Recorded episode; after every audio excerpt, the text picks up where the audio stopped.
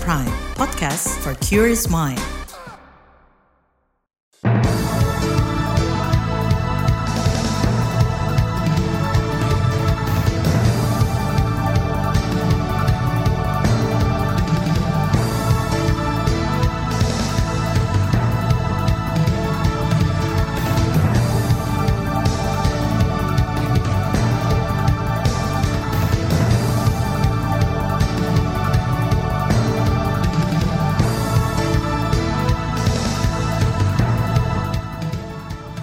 Pagi, berjumpa kembali dalam program Buletin Pagi edisi Rabu 6 Desember 2023. Saya Naomi Liandra. Sejumlah informasi pilihan telah kami siapkan di antaranya.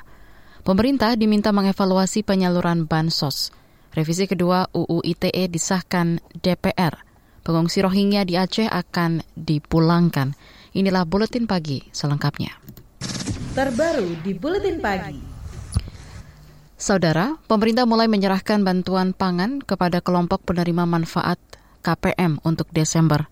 Bantuan pangan berupa beras ini disalurkan sejak September dan akan berlanjut hingga Maret 2024. Dalam prosesnya, pemerintah telah mengeluarkan 690 ribu penerima bantuan beras karena dianggap tidak tepat sasaran. Itu dilakukan setelah dilakukan pemadanan data di Kementerian Sosial. Kepala Badan Pangan Nasional Arief Prasetyo mengatakan bantuan beras 10 kg per bulan ini berasal dari cadangan beras pemerintah di Bulog senilai 2,6 triliun rupiah. Hari tadi diundang sebenarnya 600, tapi yang datang sekitar uh, eh, 508 karena hujan. Target untuk seluruh Indonesia berapa Pak? Seluruh Indonesia 21,3 juta sampai dengan Desember. Jadi 21,3 juta sekali sekali ngasih bantuan setiap bulan. Arif menambahkan target sampai bulan lalu tercapai 97 persen. Tujuannya untuk membantu masyarakat berpendapatan rendah memenuhi kebutuhan pokoknya dan mengendalikan inflasi. Selain beras, pemerintah juga membagikan bantuan langsung tunai BLT Rp200.000 per bulan selama November hingga Desember.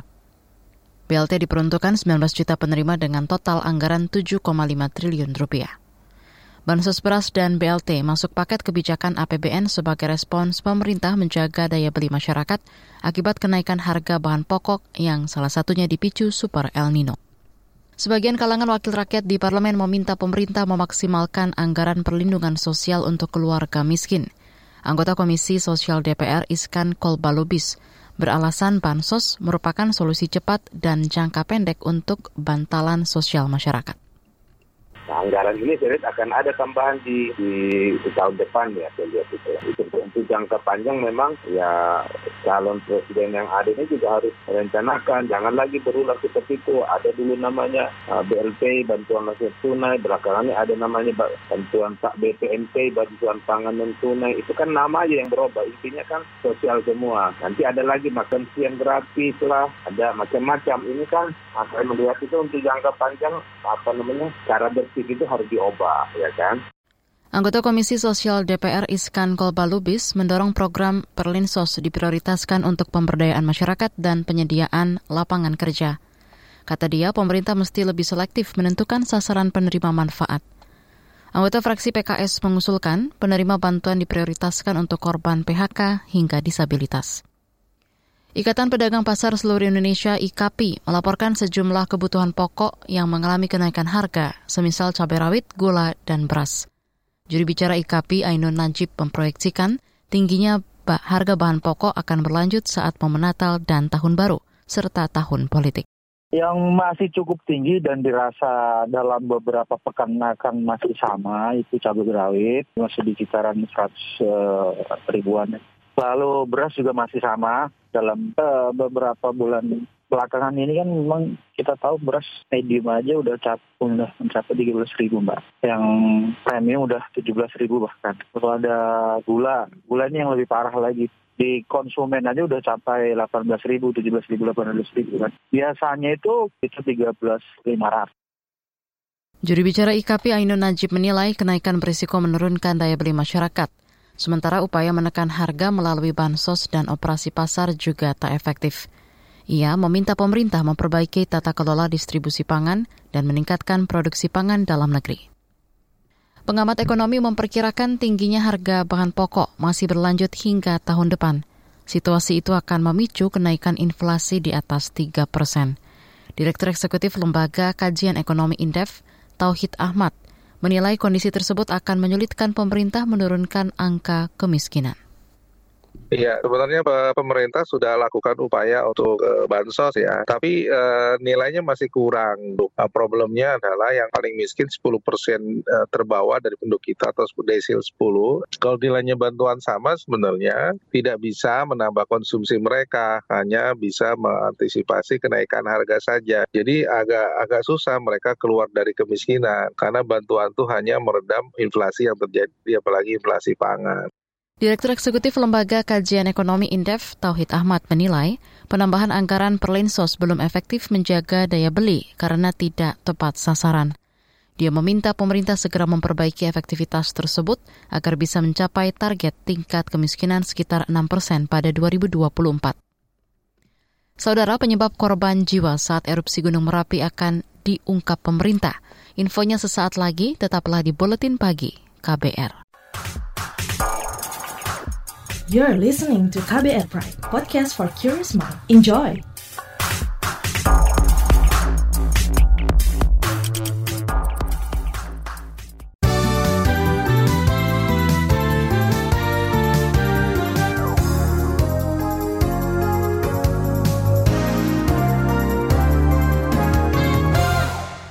Anda sedang mendengarkan buletin pagi KBR.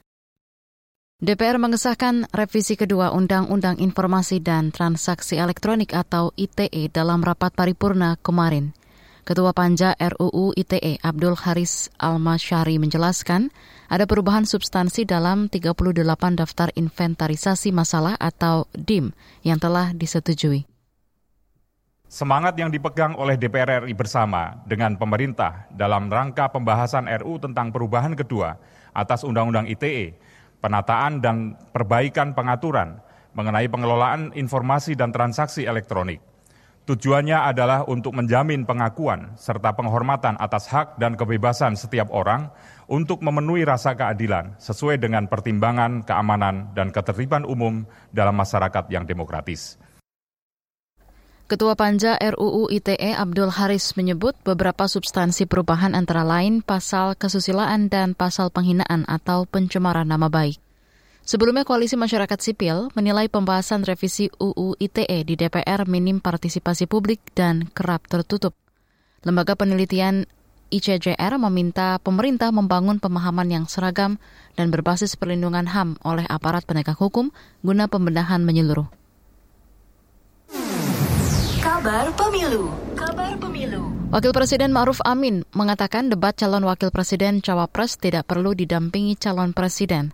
Hal itu disampaikan Ma'ruf merespons ramainya isu perubahan format debat Pilpres 2024, yakni dihadiri tiap debat dan diikuti capres-cawapres, bukan antar cawapres. Lalu dulu memang tidak ada perdebatan sebelum perdebatan itu nggak ada.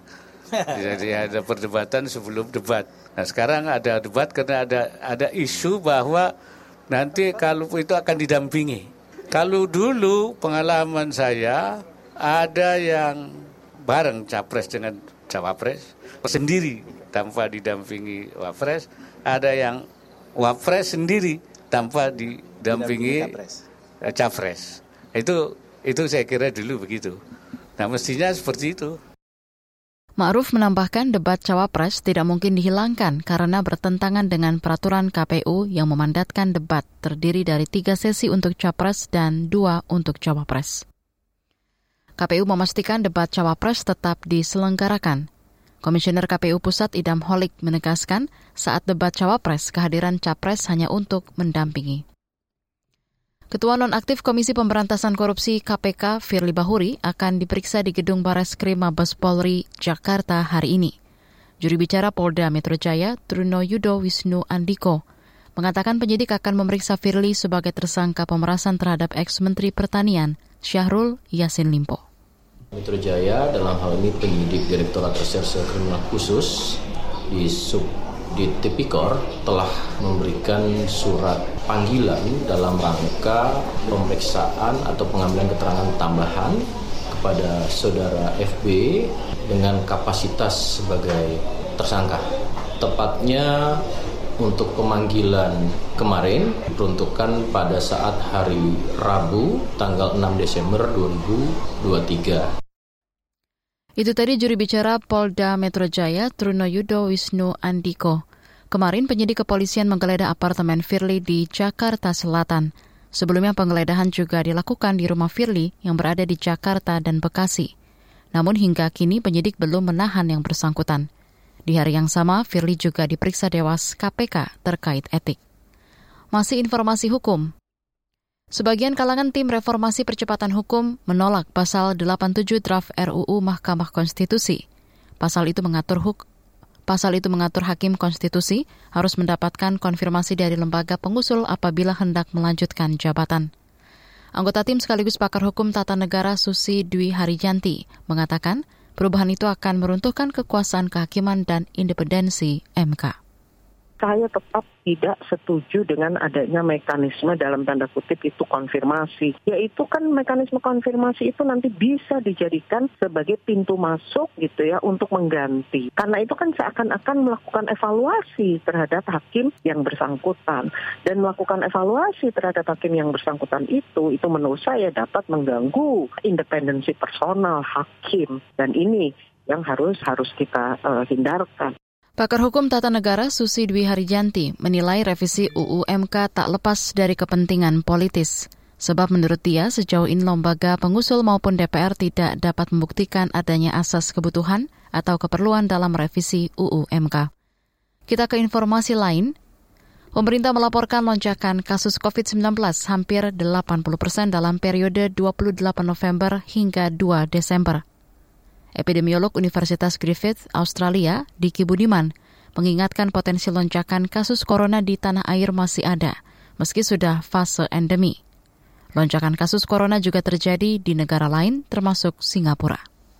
Karena setelah masa pandemi COVID-19 ini, maka ketika dia endemi, tiap negara ini punya potensi lonjakan masing-masing, KLB masing-masing yang tentunya bervariasi tergantung imunitas masyarakatnya, program vaksinasinya, perilaku 5M-nya gitu ya.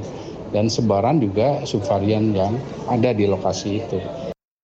Diki mengimbau masyarakat memperketat protokol kesehatan dan vaksinasi COVID-19 untuk meningkatkan kekebalan komunal. Kita ke berita mancanegara. Perserikatan Bangsa-Bangsa PBB menyebut tidak ada tempat aman bagi warga Palestina usai gencatan senjata berakhir. Dikutip Middle East Eye, juri bicara Sekjen PBB, Stephen Juarich, mengatakan militer Israel akan memperluas operasi di Gaza Utara dan Selatan. Juarich mengimbau Israel menghindari tindakan berlebih.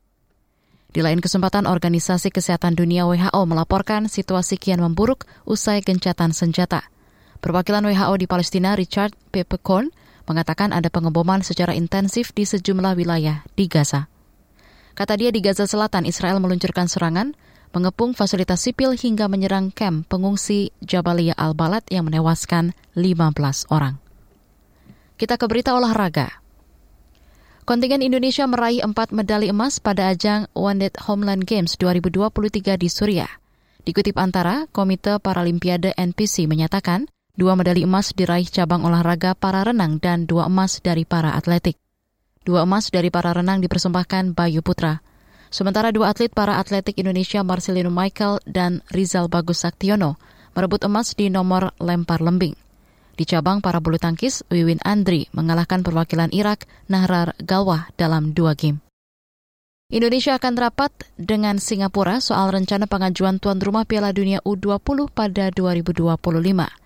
Ini dilakukan setelah Indonesia diklaim sukses menyelenggarakan Piala Dunia U17 yang usai beberapa waktu lalu. Mengutip antara Menteri Pemuda dan Olahraga Dito Aryo Tejo, mengatakan rapat dengan Singapura akan berlangsung pekan depan untuk membahas tindak lanjut rencana tersebut. Di bagian berikutnya kami hadirkan laporan khas KBR tentang polemik naiknya anggaran Kemenhan mendadak jelang pemilu. Tetaplah di Buletin Pagi KBR. You're listening to KBR Pride, podcast for curious mind. Enjoy!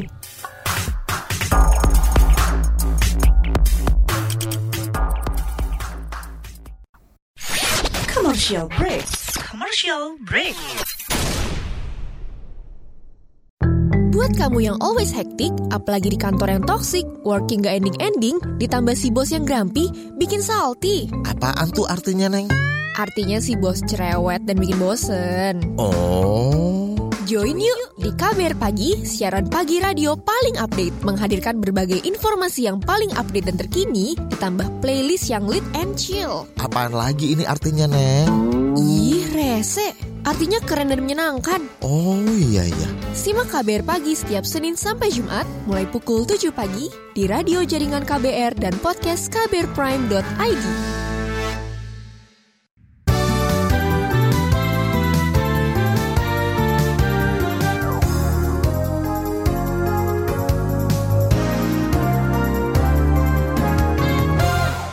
Anda masih bersama kami di Buletin Pagi KBR. Pemerintah menaikkan anggaran Kementerian Pertahanan secara mendadak. Tambahan anggaran 61 triliun itu untuk belanja alat utama sistem senjata alutsista. Namun penambahan anggaran yang tiba-tiba itu menuai polemik karena terjadi hanya tiga bulan sebelum pemilu 2024. Apalagi Menteri Pertahanan Prabowo Subianto menjadi calon presiden didampingi putra presiden – seperti apa polemiknya, simak laporan khas KBR disusun jurnalis Ardi Ridwansyah. Kementerian Pertahanan mendapat sorotan karena tiba-tiba anggaran untuk tahun depan bertambah puluhan triliun. Anggaran Kemenhan 2024 naik sekitar 61 triliun menjadi total lebih dari 384 triliun. Kenaikan anggaran Kementerian Pertahanan itu telah disetujui Presiden Joko Widodo dalam rapat internal dengan beberapa menteri termasuk Menteri Pertahanan Prabowo Subianto di Istana Bogor akhir November lalu. Menteri Keuangan Sri Mulyani mengatakan penambahan anggaran untuk belanja alat utama sistem senjata atau alutsista itu berasal dari pinjaman luar negeri. Untuk tahun 2020 hingga 2024, waktu itu sudah disetujui oleh Bapak Presiden 20,75 miliar US dollar untuk periode 2020-2024. Kemarin karena adanya berbagai perubahan, maka alokasinya dinaikkan untuk 2024 menjadi 25,0 billion US dollar. Jadi terjadi kenaikan yang cukup signifikan. Menteri Pertahanan Prabowo Subianto mengklaim naiknya anggaran pertahanan yang bersumber dari pinjaman luar negeri itu sebagai upaya untuk mempersiapkan negara guna menghadapi tantangan ke depan dan agar Indonesia tidak ditindas pihak lain. Prabowo mengatakan, meski saat ini Indonesia tidak terlibat konflik dengan pihak mana pun, tetap harus mempersiapkan alutsista yang mumpuni. Sedangkan pembelian senjata membutuhkan waktu hingga 3 sampai 5 tahun. Pertahanan itu adalah sesuatu yang vital bagi tiap bangsa. Kita lihat negara yang pertanyaan tidak siap akan diganggu, akan di yang saya katakan ya akan di ditekan, akan ditindas, akan di blackmail dan sebagainya. Ini hukum alam ya. Jadi saya kira cukup jelas bahwa dan juga saya katakan tadi baru saya katakan alat pertahanan ini tidak bisa kita ke supermarket beli langsung ya. Ini prosesnya 3 4 5 tahun. Namun penambahan anggaran dari 61 triliun itu mendapat sorotan dari DPR. Perwakilan fraksi PKS di DPR, Mardani Alisera mengatakan kenaikan anggaran Kemenhan itu mencurigakan karena dilakukan secara mendadak menjelang pemilu. Apalagi pada pemilu nanti Prabowo menjadi calon presiden dan berpasangan dengan Gibran Rakabuming Raka, anak Presiden Joko Widodo. Kenaikannya drastis 5 miliar US dollar. Waktunya mendadak cuma dua bulan setengah menjelang pemilu. Wajar kalau ada pertanyaan. Adakah semendesak itu? Adakah seurgen itu? Adakah seberbahaya itu Indonesia? Padahal angkanya hampir 61 triliun. Mestinya ini dibahas panjang kali lebar dan dengan penuh keseksamaan. Mardani mengatakan kegiatan pengadaan alat utama sistem pertahanan tidak bisa dilakukan mendadak, melainkan harus direncanakan dengan matang mendesak semua pihak untuk mengawasi karena alutsista sebetulnya tidak bisa dibangun dalam semalam. Dia perlu perencanaan yang matang. Sementara itu, Wakil Ketua Komisi Pertahanan DPR RI Abdul Haris Al-Masyari mengatakan belum bisa memastikan apakah akan memanggil Menteri Pertahanan Prabowo Subianto untuk membicarakan kenaikan anggaran tersebut. Kepada KBR, Abdul Haris mengatakan saat ini DPR sudah masuk masa reses dan baru akan kembali bersidang pada pertengahan Januari mendatang. Sorotan juga datang dari berbagai LSM yang tergabung koalisi masyarakat sipil untuk reformasi sektor keamanan. Perwakilan koalisi dari LSM Imparsial Gufran Mabruri mengatakan kenaikan anggaran itu janggal. Kita hari ini sedang ada di tahun politik, jadi saya khawatir kenaikan tersebut bukannya untuk memperkuat eh, pertahanan kita, tetapi e, digunakan sebagai alat politik untuk konsolidasi dukungan militer dalam konteks politik e, elektoral. Perwakilan dari koalisi LSM imparsial Gufron Mabruri menambahkan kecurigaan publik menguat lantaran kenaikan disepakati usai pertemuan antara Prabowo dengan Presiden Jokowi pada akhir bulan lalu. Ia meminta pemerintah mengkaji ulang kenaikan anggaran itu. Apalagi menurutnya, Kenaikan anggaran pertahanan negara itu dilakukan di tengah berbagai persoalan ekonomi seperti tingginya kemiskinan dan pengangguran, masalah stunting, dan kondisi ekonomi masyarakat yang masih sulit pasca pandemi. Demikian laporan khas KBR yang disusun jurnalis Ardi Ridwansyah, saya Hoirun Nisa.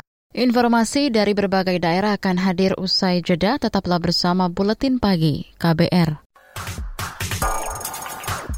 You're listening to KBR Pride, podcast for curious mind. Enjoy!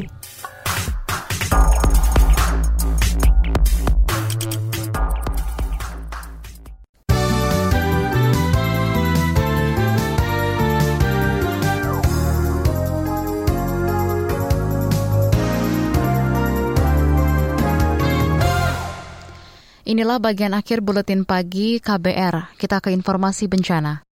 Pemerintah menyebut ada pengabaian rekomendasi PVMBG sejak 2011 untuk menjauhi puncak Gunung Marapi dalam radius 3 km dengan status waspada level 2. Akibatnya ada belasan hingga puluhan pendaki diduga meninggal saat gunung yang ada di Sumatera Barat itu erupsi akhir pekan lalu. Ketua Tim Kerja Gunung Api Pusat Vulkanologi dan Mitigasi Bencana Geologi PVMBG ESDM Ahmad Basuki mengatakan Letusan sulit dideteksi lantaran karakteristik letusan freatik yang bersifat tiba-tiba, tanpa ada gejala peningkatan kegempaan yang jelas. Ya, sebenarnya kalau pendakian itu bisa saja dilakukan asal mematuhi rekomendasinya, ya, tidak mendekati kawah dalam jarak eh, 3 km tersebut. Jadi memang rekomendasi tersebut sudah kita perhitungkan jika terjadi erupsi maka lontarannya dapat uh, maksimal bisa mencapai 3 km dan jadi pada banyaknya korban karena mereka berada di sekitar kawah dalam jarak kurang dari sekitar satu kilometer ya. Ketua Tim Kerja Gunung Api PVMBG Ahmad Basuki mengingatkan letusan freatik yang sulit dideteksi ini juga bisa terjadi di gunung berapi lain. Karena itu dia meminta Pemda meningkatkan sosialisasi informasi dari Pusat Vulkanologi kepada masyarakat untuk menghindari korban jiwa. Saat erupsi jumlah pendaki di Gunung Marapi mencapai 75 orang. Dikutip antara, Kepala SAR Kota Padang Abdul Malik mengatakan hingga selasa siang korban jiwa bertambah menjadi 13 orang.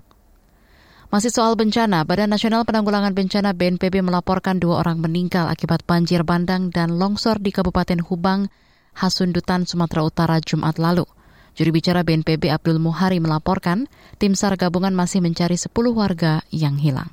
Saat ini uh, proses tanggap darurat pencarian korban dalam tujuh hari pertama itu sudah masuk hari kelima. Kita baru menemukan dua korban. Kita masih mengharapkan dengan seluruh potensi SAR dan alat perangkat yang kita gunakan itu bisa kita uh, temukan sisa dari catatan korban yang masih dinyatakan hilang.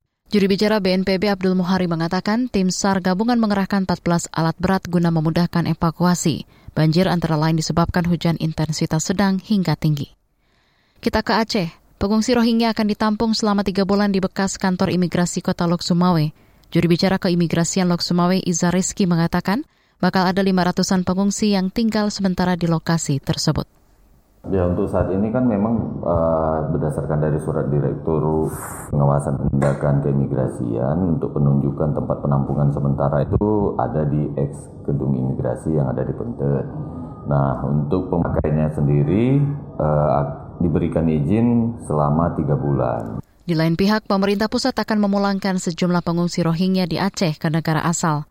Wakil Presiden Ma'ruf Amin mengingatkan perlu solusi yang pas agar gelombang kedatangan pengungsi tidak membebani negara dan masyarakat. Wapres mengatakan masalah serupa juga dihadapi negara Eropa. Karena itu seyogianya ada pembahasan bersama dengan Komisaris Tinggi PBB untuk pengungsi UNHCR. Informasi tadi menutup jumpa kita di Buletin Pagi hari ini. Pantau informasi terbaru melalui situs kbr.id, Twitter kami at berita KBR, dan juga podcast di kbrprime.id. Saya Naomi Liandra bersama tim yang bertugas undur diri. Salam.